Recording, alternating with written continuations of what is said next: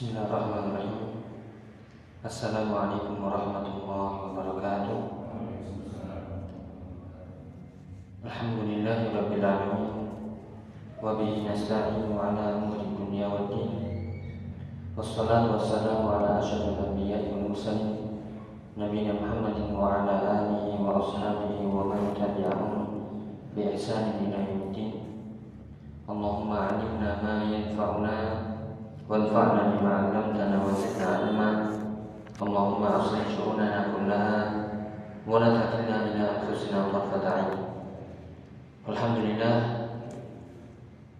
Ma'asyar muslimin, bapak-bapak, ibu-ibu, dan saudara sekalian Para sepuh yang dirahmati Allah Ta'ala Bersyukur kita kepada Allah Subhanahu Wa Ta'ala di kesempatan petang hari ini Alhamdulillah Tidak terasa sudah sebulan namanya kita bisa bertemu kembali bersua kembali di Masjid Al Hikmah ini yang mubarakah biidznillah dalam rangka talabul ilmi syar'i ngaji sarang-sarang di masjid. Untuk mengkaji firman Allah Taala dan juga hadis-hadis Nabi Sallallahu Alaihi Wasallam dan khususnya yang kita bareng-bareng di sini sarang-sarang adalah ngaji masalah ikhlas. Masalah keikhlasan dalam beribadah. Banyak sekali hal-hal yang perlu kita ketahui tentang ikhlas itu sendiri karena ini sangat menentukan diterima dan tidaknya sebuah amalan. Apakah amal kita makbul Allah, diterima di sisi Allah atau mardud atau tertolak? Apakah ibadah itu benar-benar mendapatkan pahala di sisi Allah ataukah malah tidak mendapatkan apa-apa? Itu tergantung keikhlasan kita dalam beribadah. Dan telah terus kita ulang-ulang masalah keikhlasan ini yaitu ketika kita beribadah kepada Allah hanya mengharapkan wajah Allah Subhanahu wa taala semata, mengharapkan ridhonya, mencari ridhonya, mencari surganya, menghilangkan pandangan-pandangan manusia tidak memperdulikan apakah manusia memuji ataupun mencela. Yang penting kita mencari ridho Allah mencari surganya Allah keutamaan dari Allah Subhanahu wa taala. Kita ingin surganya Allah Subhanahu wa taala dan kita sangat-sangat takut akan nerakanya Allah dan azabnya. Itulah yang harus kita terus tanamkan dalam beribadah agar ikhlas lillahi ta'ala. Insyaallah pada kesempatan kali ini Bapak-bapak ibu yang dirahmati Allah taala melanjutkan dari yang sebelumnya yang pernah kita mulai yaitu masalah buah dari keikhlasan.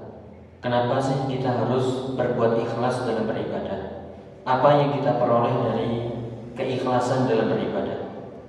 Banyak sekali di sini disebutkan dari kitab Al-Ikhlas yang dikarang oleh Syekh Muhammad bin Saleh Al-Munajjid hafizahullah taala wa di antaranya adalah yang kita bahas kali ini adalah bahwasanya dengan keikhlasan itu seseorang akan mendapatkan amal atau mendapatkan pahala dari amal yang sebenarnya dia tidak mampu melakukannya. Artinya kita bisa berdiam diri saja tapi pahalanya mengalir bahkan besar. Nah ini bagaimana caranya? Yaitu dengan niat, dengan ikhlas. Ini di antara faidah buah dari keikhlasan kita tidak melakukan apa-apa atau kita hanya berniat berkeinginan saja tapi dicatat di sisi Allah sebagai sebuah amal soleh. Bagaimana caranya? Di sini disebutkan dalam sebuah hadis yang sahih diriwayatkan oleh Ibnu Majah wa Ahmad dan disahihkan oleh Al Albani rahimahullah taala. Ada hadis yang menyebutkan tentang empat sifat manusia atau empat jenis manusia. Empat jenis manusia Yang pertama Yang diberikan oleh Allah Ta'ala ilmu dan harta. Ini yang pertama. Kemudian yang kedua Orang yang diberikan ilmu Tapi tidak diberikan harta. Dan orang yang ketiga Orang yang diberikan Harta tapi tidak memiliki ilmu. Dan yang terakhir Orang yang tidak diberi ilmu Dan juga tidak diberikan harta. Sebagai dalam hadis di sini disebutkan dari sahabat Abu Kabsyah Al-Mari radhiyallahu anhu qala qala Rasulullah sallallahu alaihi wasallam dari sahabat Abu Kabsyah Al-Anmari beliau berkata sabda Nabi sallallahu alaihi wasallam "Mathalu hadhihi ummati kamathali arba'ati nafar." Permisalan umatku itu seperti permisalan empat orang tadi disebutkan tiga jenis, ya, empat jenis. Yaitu kamathali arba'ati nafar. Bagaimana ini? Yaitu rajulun atahullahu malan wa ilma. Ada orang yang diberikan oleh Allah Taala harta dan ilmu. Ya, kalau kita lihat manusia ini, ya bisa jadi dia berilmu, masya Allah, alim, atau dia memiliki harta yang banyak, goni, agnia, dia kaya raya, sudah berilmu, ya dia kaya pula. Tapi apa yang dilakukan dengan ilmu dan hartanya ini, maka dia fahuwa ya'malu bi ilmihi fi malihi yunfiqu fi haqqihi. Tapi dia melakukan dengan ilmu dan amalnya ataupun dengan hartanya dia melakukan perbuatan-perbuatan yang baik. Ilmunya dia amalkan, dia ajarkan, hartanya dia infakkan di jalannya pada orang-orang yang berhak sehingga aman. Yani nikmat orang yang berilmu dan berharta. Dia mengajarkan ilmunya dan juga menginfakkan hartanya di jalan Allah pada orang-orang yang berhak menerimanya. Itu jenis yang pertama. Kemudian yang kedua, warajulun atahullahu ilman walam yu'tihi malan. Ada orang kedua, seseorang yang diberikan ilmu tapi tidak diberikan harta. Dia berilmu, alim, ya akan tapi dia kekurangan harta, nggak punya harta. Wahwa yakul, tapi karena dia tahu ilmunya, maka dia mengatakan dalam dirinya, "Laukana li mithlu hadza amiltu fihi mithlan hadhi ya'mal." Kalau seandainya saya punya harta yang dimiliki oleh orang yang pertama tadi, ya maka aku akan mengamalkan persis seperti yang dilakukan oleh orang tadi yang memiliki harta. Lihat dia hanya berniat, ya berniat ingin melakukan seperti orang-orang kaya yang menginfakkan harta di jalan Allah. Ada sodako dia yang pertama, ada orang-orang fakir miskin yang membutuhkan dia yang pertama memberikan. Ada misalnya uh, pembangunan masjid dia pertama yang memberikan dan seterusnya.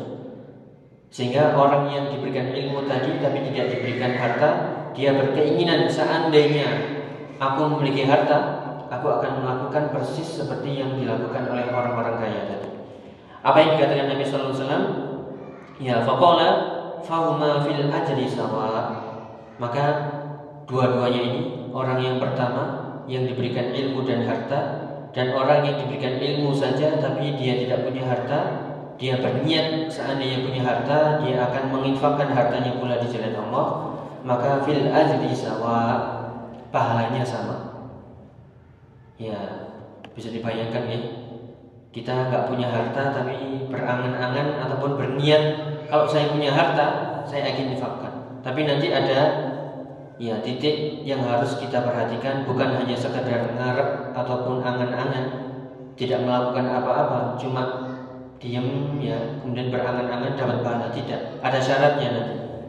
Akan tapi kita sebutkan dulu yaitu keutamaan orang yang berniat ingin melakukan ya ingin sodako ingin menginfakkan hartanya di jalan Allah meskipun dia tidak mampu melakukannya karena kefakiran yang dia alami karena kesempitan ekonomi yang sedang dia alami, tapi dia sudah berniat, maka dia akan mendapatkan pahala sama persis seperti orang yang menginfakkan hartanya di jalan Allah, orang yang kaya tadi. Nih, pilih orang pertama atau orang kedua nih?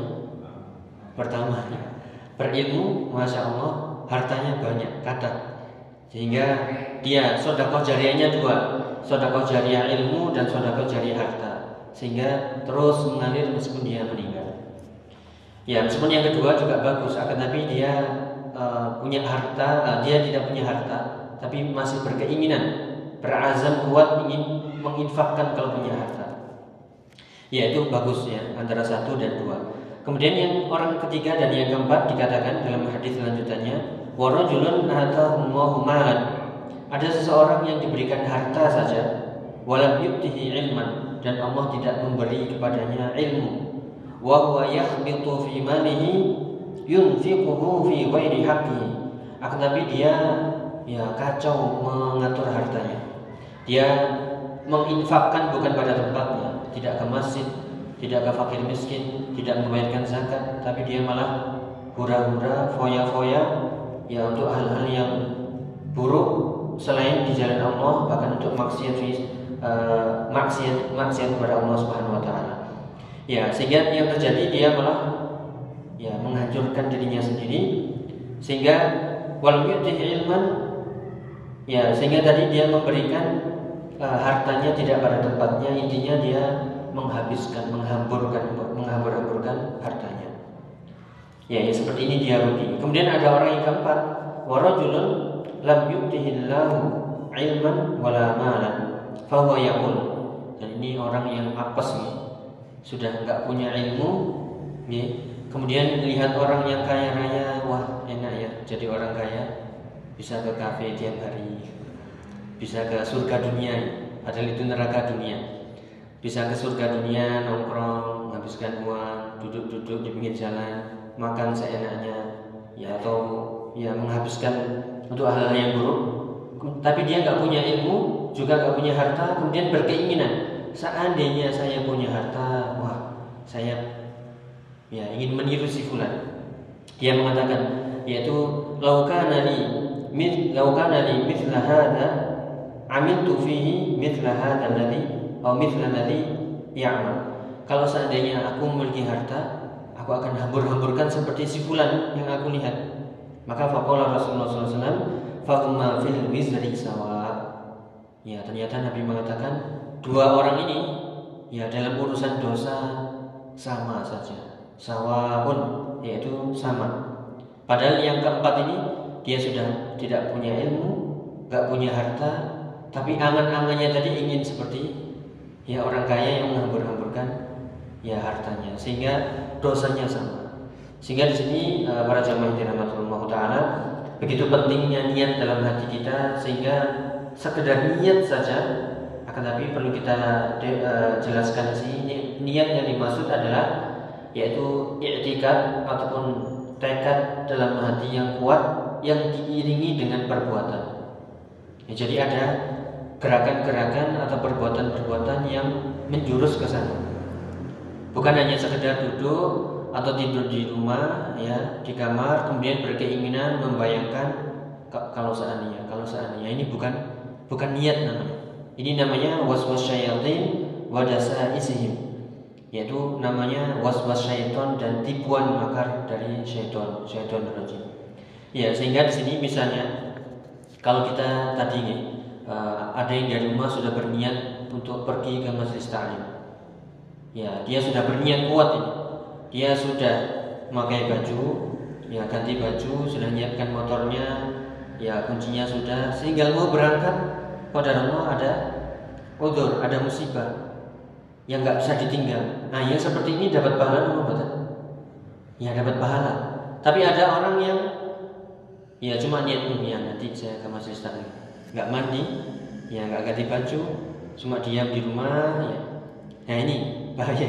Ini bukan niat namanya, tapi dia hanya angan-angan yaitu kena waswas syaitan dan ya tipuan dan makar syaitan. Sehingga yang seperti ini nggak dapat pahala sama sekali. Yaitulah e, keutamaan niat bisa jadi kita mendapatkan amal soleh atau pahala dari amal soleh meskipun kita tidak melakukannya dengan syarat tadi dia bukan angan-angan kosong tapi dia sudah berniat yaitu ada tekad, ada gerakan yang menuju ke sana. Seperti orang tadi, dia punya ilmu tapi nggak punya harta.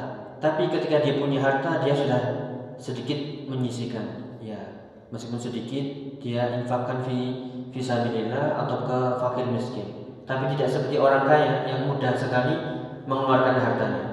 Dia ingin seperti si fulan yang kaya raya sehingga ya apa pun yang dibutuhkan oleh orang fakir miskin ataupun visabilillah segera dia memberikannya. Tapi dia sudah punya niat, sudah punya gerakan ke sana yang seperti ini yaitu fil ajri sama pahalanya sama. Itulah keutamaan ya niat sehingga kita mendapatkan uh, pahala dari amal yang kita tidak mampu melakukannya.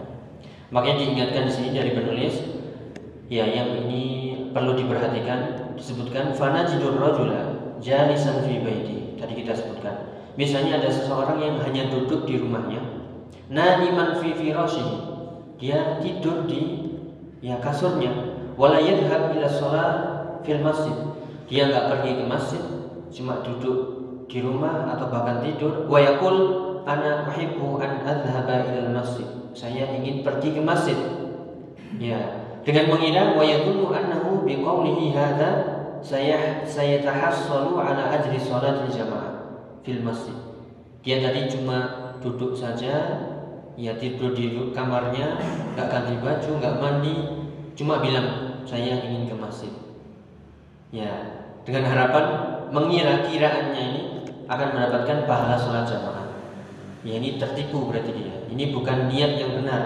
Karena sekali lagi niat yang benar itu yaitu tekad kuat di dalam hati yang diiringi dengan gerakan-gerakan perbuatan-perbuatan yang menjurus ke sana.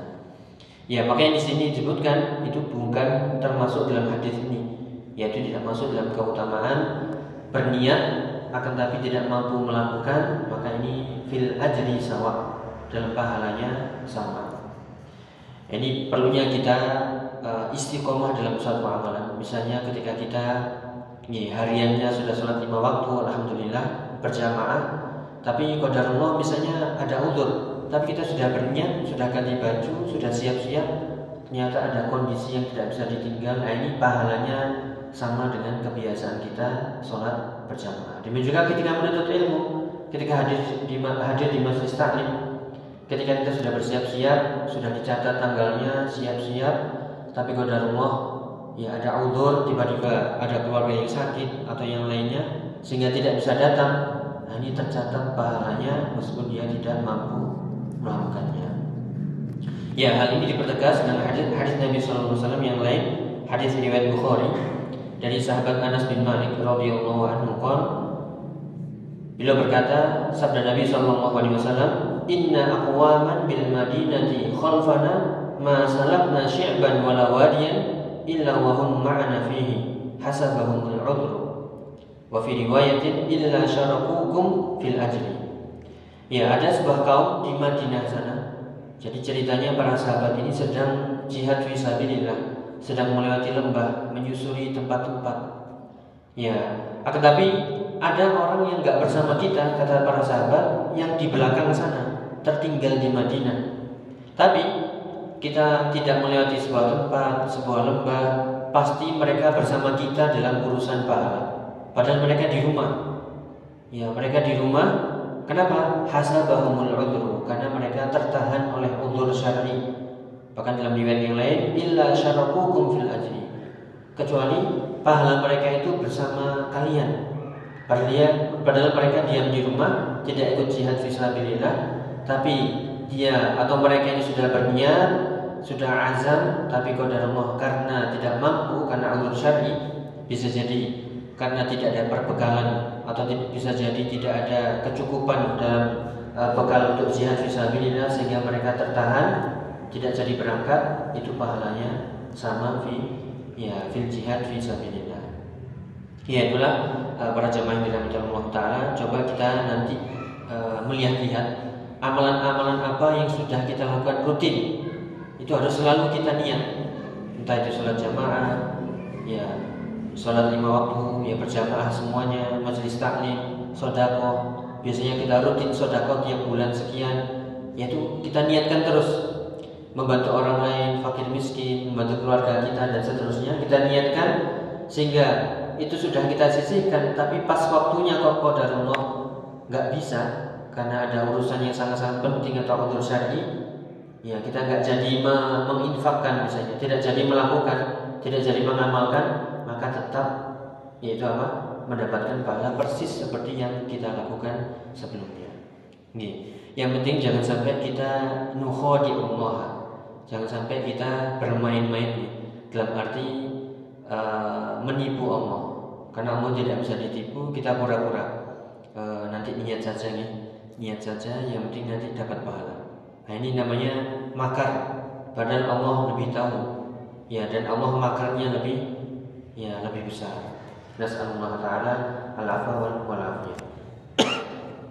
ya itu faedah buah dari keikhlasan yang yang pertama. Kemudian yang kedua, lanjutannya adalah uh, dengan keikhlasan ini kita bisa mendulang pahala yang sangat banyak dengan amalan-amalan yang dianggap biasa. Dalam arti kebiasaan-kebiasaan yang sifatnya itu bukan ibadah, kalau kita niatkan untuk beribadah, maka menjadi pahala.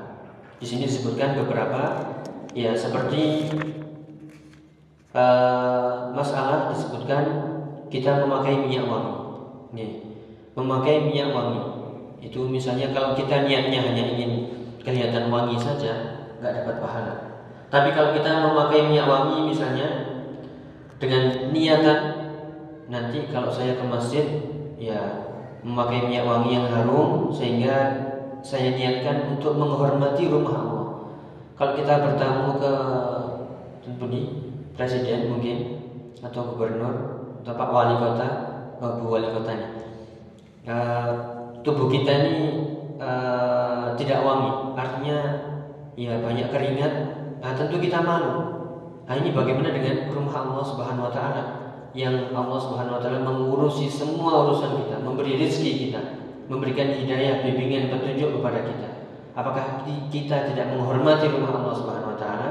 Ya kita niatkan saya memakai minyak wangi selain untuk biar wangi, ya juga untuk menghormati rumah Allah Subhanahu wa taala karena saya mau ke masjid.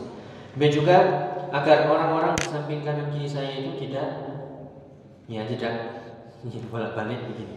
Tapi ya untuk menyenangkan saudara kita, maka ini juga berbuah pahala dan niat-niat yang lain yang intinya niat kebaikan. Sehingga dari kebiasaan adat memakai minyak wangi tapi karena niatkan kita niatkan untuk menghormati rumah Allah kemudian menyenangkan saudara kita agar tidak mengganggu ketika sholat ya biar tidak mengganggu dengan bau yang tidak sedap misalnya ya maka ini mendapatkan pahala.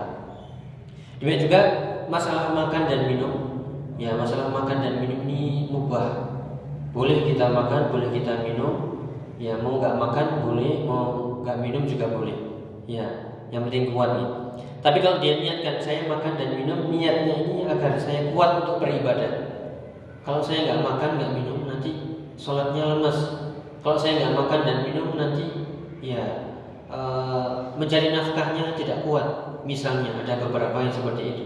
Atau misalnya saya makan dan minum agar kuat nanti bisa baca ya bisa merojaah bisa belajar menuntut ilmu ya maka ini niatnya ya hanya sekedar makan dan minum tapi niatnya untuk mendekatkan diri kepada Allah mendapatkan pahala. Lihat bagaimana keutamaan niat yang ikhlas ini yaitu merubah dari kebiasaan menjadi yang menjadi ibadah. Atau contoh yang lain misalnya masalah nikah. Ya, masalah nikah ini kalau hanya sekedar melampiaskan ya hawa nafsunya atau syahwatnya, maka ini ya memang diperuntukkan untuk ya orang-orang yang uh, ingin menjaga syahwatnya. Itu boleh-boleh saja.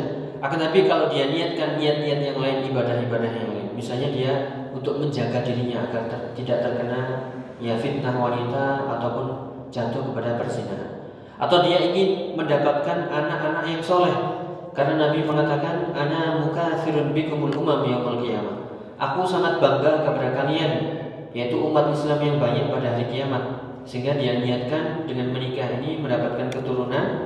Ya sehingga dia ya mendapatkan pahala yang berlipat-lipat. Selain ya syahwatnya terpenuhi dia juga melindungi dirinya dari fitnah dan juga mendapatkan ya rezeki berupa anak-anak soleh tadi. Dan banyak sekali yaitu niat-niat yang bisa kita gandengkan dalam kebiasaan. Ya Misalnya, kalau ini dalam urusan dunia yang tidak ada kaitannya sama sekali dengan urusan ibadah. Misalnya dia kerjaannya adalah sebagai teknisi misalnya atau pekerja bangunan. Ini sebenarnya murni dunia. Tapi kalau misalnya dia niatkan saya di sini untuk membantu kaum muslimin, untuk meringankan beban kaum muslimin. Sehingga uh, tenaga saya ini bisa dipakai untuk ya membangun masjid, untuk merancang Eh, bangunan-bangunan pesantren dan sebagainya maka jika diniatkan seperti itu untuk kemanfaatan Islam dan kaum muslimin maka pahalanya ya berlipat-lipat ya seperti itu maka di sini perlunya kita merubah setiap adat kebiasaan kita agar bernilai ibadah itu kita ubah seperti nanti kita tidur misalnya Itu kalau niatnya hanya capek istirahat, betul dapat pahala. Tapi kalau niatnya saya istirahat dulu biar nanti bisa bangun malam-malam atau bisa bangun sholat subuh tidak terlambat biar kuat, nah ini dapat pahala. Itulah pentingnya ilmu sehingga setiap aktivitas kita itu bisa bernilai ya bisa bisa bernilai ibadah. Dan banyak sekali uh, kebiasaan-kebiasaan yang itu bisa kita ubah bisa menjadi ya bisa menjadi bisa menjadi nilai ibadah. Makanya ada sebuah perkataan dari salah seorang ulama yang bernama uh, Zubaid Al-Yami. Beliau pernah mengatakan inni uhibbu an takuna li niyatun fi kulli syai hatta fi ta'ami wa syarab. Aku sangat suka atau sangat menyukai jika pada dirimu itu ada niat dalam segala sesuatu. Harus disertai dengan niat. Seperti hadis yang pernah kita baca innamal a'malu ya binniyat wa innamal likulli mana amal-amal itu tidak disebut dengan amal kecuali harus diiringi dengan niat dan niat itu seseorang akan mendapatkan sesuai dengan apa yang dia niatkan makanya di sini dikatakan saya ingin dalam segala sesuatu itu ada niatnya meskipun itu murni adat kebiasaan, meskipun itu murni rutinitas dunia. Ya, ini bisa kita niatkan sehingga kita mendulang pahala dari kebiasaan-kebiasaan itu. Bahkan dalam urusan makan dan minum, yaitu semuanya mendapatkan ya pahala di sisi Allah Subhanahu wa taala. Sehingga aktivitas dunia kita tidak sia-sia belaka. Contoh yang paling mudah misalnya kita mencari nafkah, bekerja, kalau kita niatkan hanya mencari uang saja, maka ini ya tidak mendapatkan pahala. Akan tapi kalau kita niatkan dengan mendapatkan harta, kita nafkahkan untuk anak istri kita misalnya, atau untuk diri kita, biar kita nggak minta-minta, atau kita nanti kita sisihkan untuk infak ya di masjid atau visabilillah, maka niatnya itu bisa berubah atau merubah dari kebiasaan menjadi ibadah. Semoga dimudahkan ya semuanya. Kemudian yang berikutnya apa faedah dari keikhlasan ini? Disebutkan uh, yaitu bisa himayatun nafsi minasyayatin. Bisa menjaga diri kita dari ya godaan syaitan. Maka kunci agar kita isi koma itu biar gak mudah tergoda nih. Tidak mudah tergoda dengan dunia seperti ini atau dengan was-was syaitan, dengan bisikan-bisikan syaitan itu intinya kita harus ikhlas, harus jujur, harus murni kita itu ibadah ini mencari wajah Allah. Kita ingin di dunia itu mengharap ya surganya Allah. Bukankah ayat yang dulu pernah kita baca, wa ma umiru illa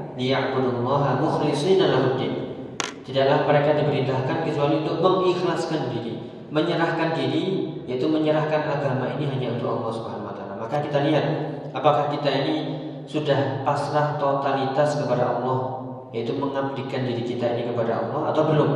Sehingga kalau itu semakin berkurang keikhlasan kita syaitan akan mudah mencari celah. Ya karena disebutkan dalam ayat di surat uh, Al-Hijr ayat 40 ketika syaitan berjanji akan menggoda seluruh ya manusia keturunan Nabi Adam kita semuanya ini dari depan belakang kanan kiri semuanya itu akan digoda. Illa illa ibadaka minhumul mukhlasin. Kecuali hamba-hambamu ya Allah yang mereka itu mukhlasin. Orang-orang yang ikhlas. Kalau kita ikhlas ya ikhlas tadi maksudnya adalah kita jujur tulus dalam beragama mencari ridho Allah dalam setiap aktivitas kita tidak peduli dengan pandangan manusia celaan manusia tidak sibuk dengan yaitu menginginkan pujian-pujian manusia maka yang seperti ini ya dia yaitu akan dijaga dari godaan ya syaitan. Sebagaimana dalam perkataan salah seorang uh, ulama yang bernama Ma'ruf Al-Qurfi yaitu beliau menginginkan dirinya sendiri. Ya nafsi atau ya nafs akhlisi tatakhallas wahai jiwaku ikhlaslah. Ya ikhlaskanlah dirimu. Tata khalasi pasti engkau akan selamat. Ya kuncinya agar kita hidup tenang ya hidup bahagia tentram. Meskipun dalam kondisi yang sedikit misalnya meskipun dalam keadaan ujian yang begitu banyak kuncinya adalah ikhlaskan saja yaitu kita mengharap wajah Allah mencari ridho Allah mencari surganya Allah memurnikan ibadahnya hanya kepada Allah pasti akan selamat. Karena tadi ayatnya jelas di surat Al-Hijr ayat 40, illa ibadaka minhumul mukhlasin. Itu syaitan yang mengatakan yang diabadikan dalam Al-Quran yang ini tentunya sebagai pelajaran semua manusia itu akan mudah tergoda oleh syaitan kecuali hamba-hambamu yang ikhlas hamba-hambamu yang menyerahkan dirinya kepada Allah dengan totalitas. Ya sehingga ini akan ya memutus jalan-jalan syaitan untuk ya menggoda manusia. Ya kemudian lanjut ya ya lanjut. Keutamaan dan faedah ikhlas ini adalah ada sedikit hubungannya dengan barusan yang kita sebutkan. Kalau tadi adalah kita tidak mudah tergoda atau syaitan akan sulit menggoda kita. Syaitan itu akan sulit menggoda orang-orang yang ikhlas tulus, yaitu jujur dari hatinya. Tapi kalau kita kehilangan itu pasti ada saja. Kalau nggak kita terkena syubhat, ya kita terkena syahwat. Ada orang yang syubhatnya tidak bisa masuk di pikirannya, di hatinya, tapi dia terkena penyakit syahwat ya bisa syahwat makanan, harta, ya bisa wanita, bisa jabatan, dia bergelimang di sana di syahwat. Atau ada orang yang syahwatnya bisa ditundukkan, dia tidak mudah tergoda dengan harta, dengan wanita, dengan jabatan, tapi syubhatnya ini, ya pikirannya ini macam-macam, akidahnya ini bermacam-macam, manhajnya dalam beragama macam-macam. Sehingga dia terombang ambing di sana dia pun juga celaka. Karena berarti tidak ada keikhlasan.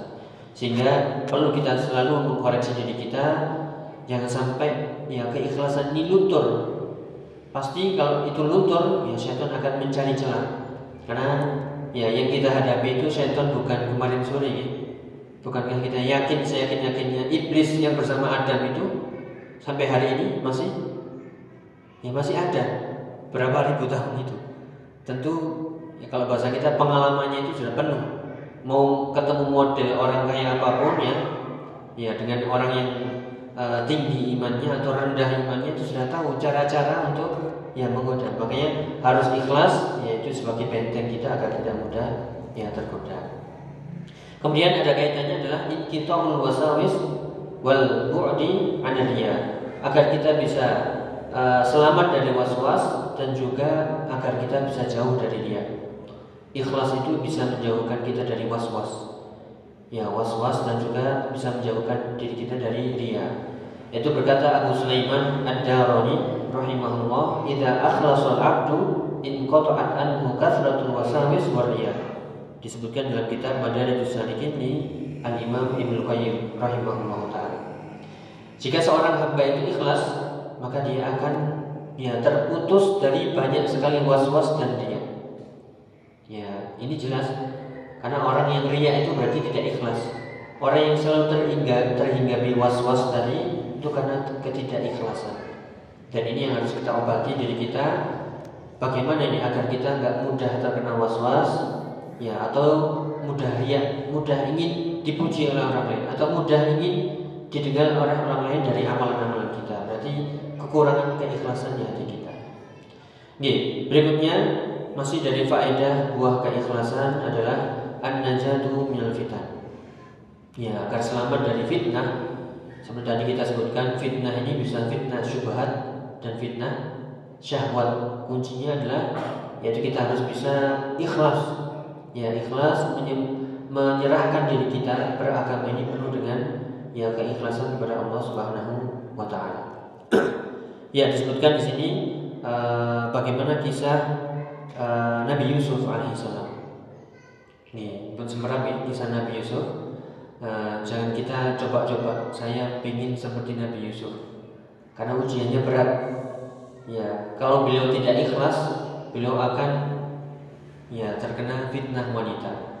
Padahal kondisinya waktu itu ya diajak di suatu tempat yang Nabi Yusuf itu sebenarnya suka sama ya istri dari raja itu. Istri raja itu juga menggoda ya menggoda kemudian diajak ke suatu, suatu sebuah tempat yang tertutup pintu-pintunya tidak ada seorang pun yang mengetahuinya kemudian diajak untuk melakukan perbuatan fahisyah akan tapi karena keikhlasan Nabi Yusuf ini Allah menyelamatkannya ya mau coba ini mau coba fitnah Nabi Yusuf Ya jangan-jangan kita tidak mengatakan kalau di ayat Nabi Yusuf mengatakan ma'adallah, aku berlindung kepada Allah. Nanti kita malah mengatakan alhamdulillah. Alhamdulillah. Ya, lihat di sini di surat Yusuf ayat 24 bisa dibaca kisah Nabi Yusuf. Ini kalau kita mungkin ya dalam keadaan uh, sedih atau terkena musibah itu bisa kita membaca kisahnya Nabi Yusuf. Itu bisa menjadi hiburan buat kita. Karena Nabi Yusuf mulai sejak awal sampai terus itu dapat ujian terus. Mulai dari kecilnya ya diuji dengan saudara-saudaranya yang iri hasad kepadanya. Sehingga seolah-olah di e, dibuat makar sudah mati dimakan atau diterkam hewan buas. Ternyata ya Nabi Yusuf dimasukkan dalam sumur itu pun ditemukan oleh saudagar dijual di pasar budak kemudian ditampung di raja Ya, tapi rajanya di sini ada istri yang genit nih bahasa kita.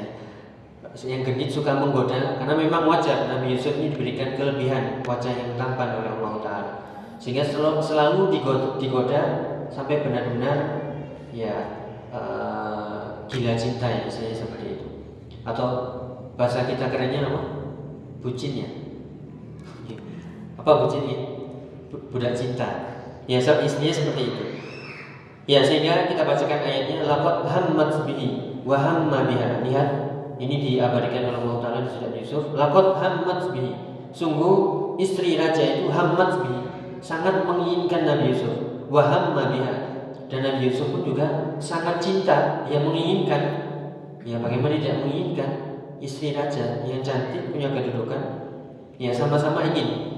Tapi tapi disebutkan laula an ra'a burhana rabbi kalau seandainya Nabi Yusuf itu tidak melihat kebesaran Allah, bukti-bukti kebenaran Allah, kadzalika linasrifa anhu su' wal fahsya innahu min ibadina al-mukhlasin. Ya, ini kuncinya. Kalau seandainya Nabi Yusuf tidak ingat Allah, tidak ingat kebesaran Allah, dan Nabi Yusuf bukan termasuk orang-orang ikhlas, pasti jatuh ke dalam persinahan. Ya, tapi seperti itulah Allah menyelamatkan Nabi Yusuf dari keburukan dan dari perbuatan fahisyah karena innahu min ibadina mukhlasin sungguhnya Nabi Yusuf adalah termasuk hamba-hamba ya hamba-hambaku kata Allah yang mukhlas yang ikhlas yang menyerahkan dirinya kepada Allah Subhanahu wa taala. Jadi intinya di sini agar kita selamat dari berbagai macam fitnah, baik syubhat atau syahwat adalah ya kita ikhlas, ya murni menyerahkan diri kepada Allah yaitu mukhlisina lahuddin menyerahkan agama ini hanya untuk Allah Subhanahu wa taala. Nggih. Lanjut nggih. Nggih, ada pertanyaan mungkin? Ya, silakan.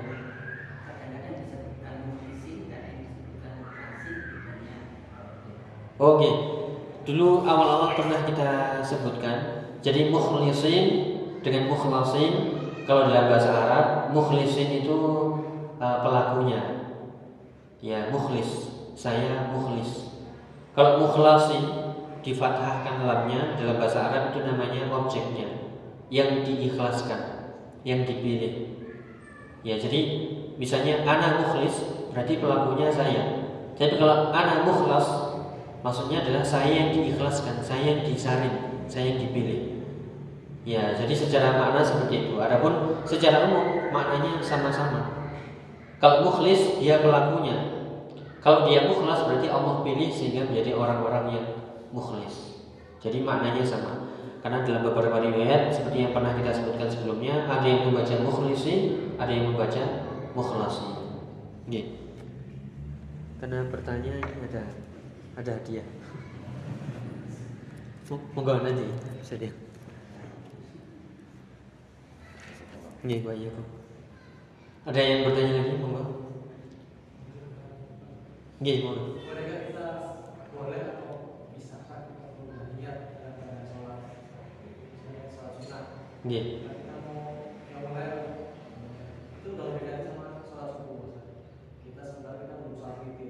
Nggih. Kita mau sholat yang mulai dua rakaat, udah beda sholat subuh. Kita belum ada jadi sholat witir. Jangan sholat boleh. Nggih. Kadang sudah sholat. Iya. Ya ini dalam pembahasan fikih istilahnya uh, taghyir niat fil ibadah yaitu merubah niat dalam suatu ibadah. Itu boleh dilakukan jika kondisinya itu merubah niat dari ibadah satu ke ibadah yang lain yang derajatnya itu berbeda. Kalau derajatnya sama tidak bisa. Ya, harus merubah ke derajat yang paling rendah. Ya, misalnya ketika kita sholat, nah tadi kan sholat mulai ya dengan witir. Sedangkan witir ini tingkatnya tinggi karena hukum sholat witir sunnah muakkadah. Ya, sedangkan qiyamul lain itu sunnah. Ya, jadi ketika kita merubah ke witir tidak bisa karena witir lebih tinggi. Kalaupun kita merubah adalah merubah niat sholat sunnah mutlak. Ya, sehingga niatnya itu harus bergeser ke yang lebih bawah. Kalau ke derajat yang sama, ya ataupun lebih tinggi ini tidak bisa. Sehingga apa yang harus kita lakukan? Ya sudah pada Allah berarti kita belum rezeki. Dan kuncinya seperti niat tadi, kalau itu sudah kita lakukan rutinitas dalam uh, malam aktivitas malam kita, tapi kalau dalam Allah misalnya pas sholat tadi perut kita sakit sehingga cuma sempat sholat malam beberapa rakaat, mau witir kan kan nutut, ya maka ini kita harapkan yaitu tetap ter, tercatat sebagai orang yang niat sholat witir. Seperti tadi, dia tidak mampu melakukannya karena uzur, ya kemudian karena uh, sudah niat tapi tidak melakukan karena udur tadi maka tercatat pahalanya fil ajri sawa yaitu pahalanya sama seperti dia melakukan aktivitas ya rutinitas uh, dia sebelumnya. Jadi seperti itu.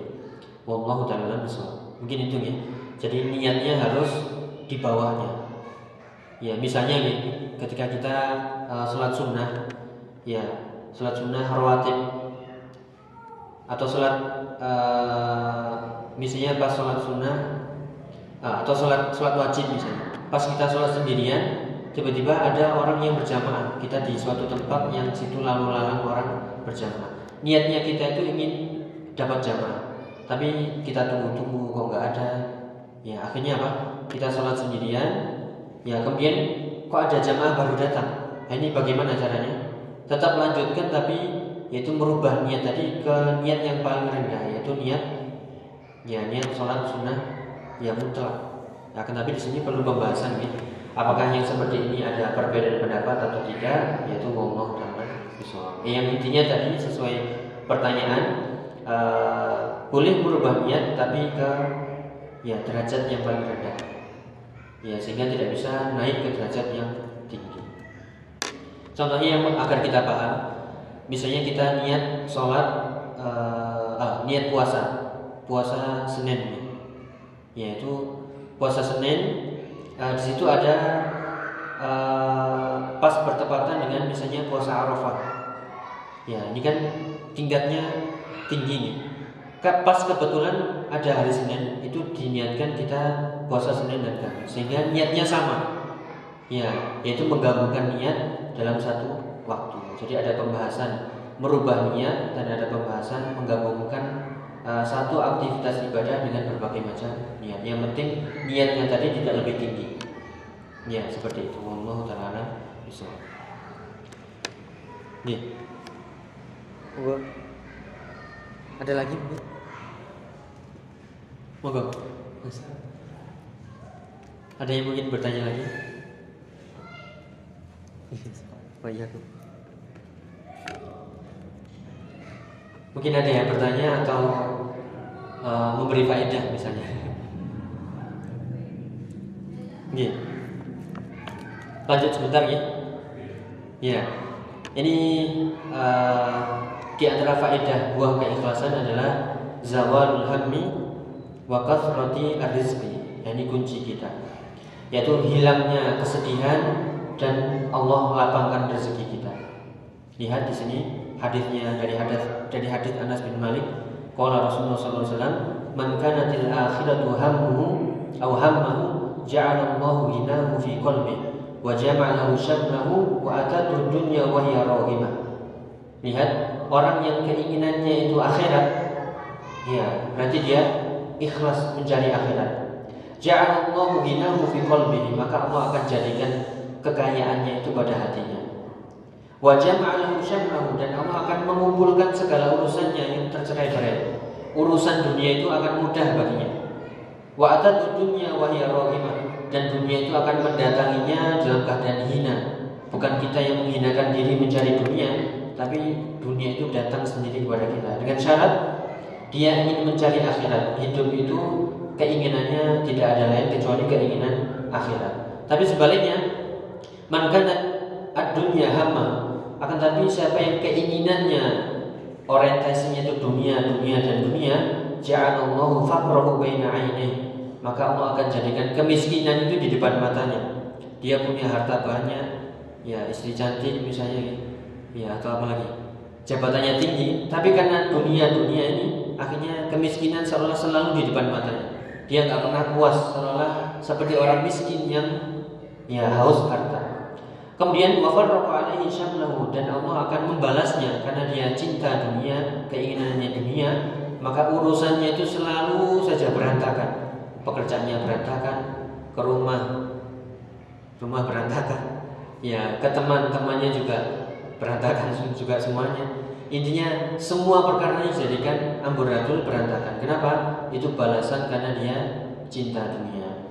Walau ulam ya'tihi minad dunya illa ma dan dunia pun datang kepadanya itu hanya sebatas rezekinya saja. Dia moyo mencari harta, mencari urusannya dunia nih dengan syarat dia tidak akan mendapatkan kecuali rezekinya saja, nggak lebih dari itu. Dan itu pun nggak barokah. Kenapa?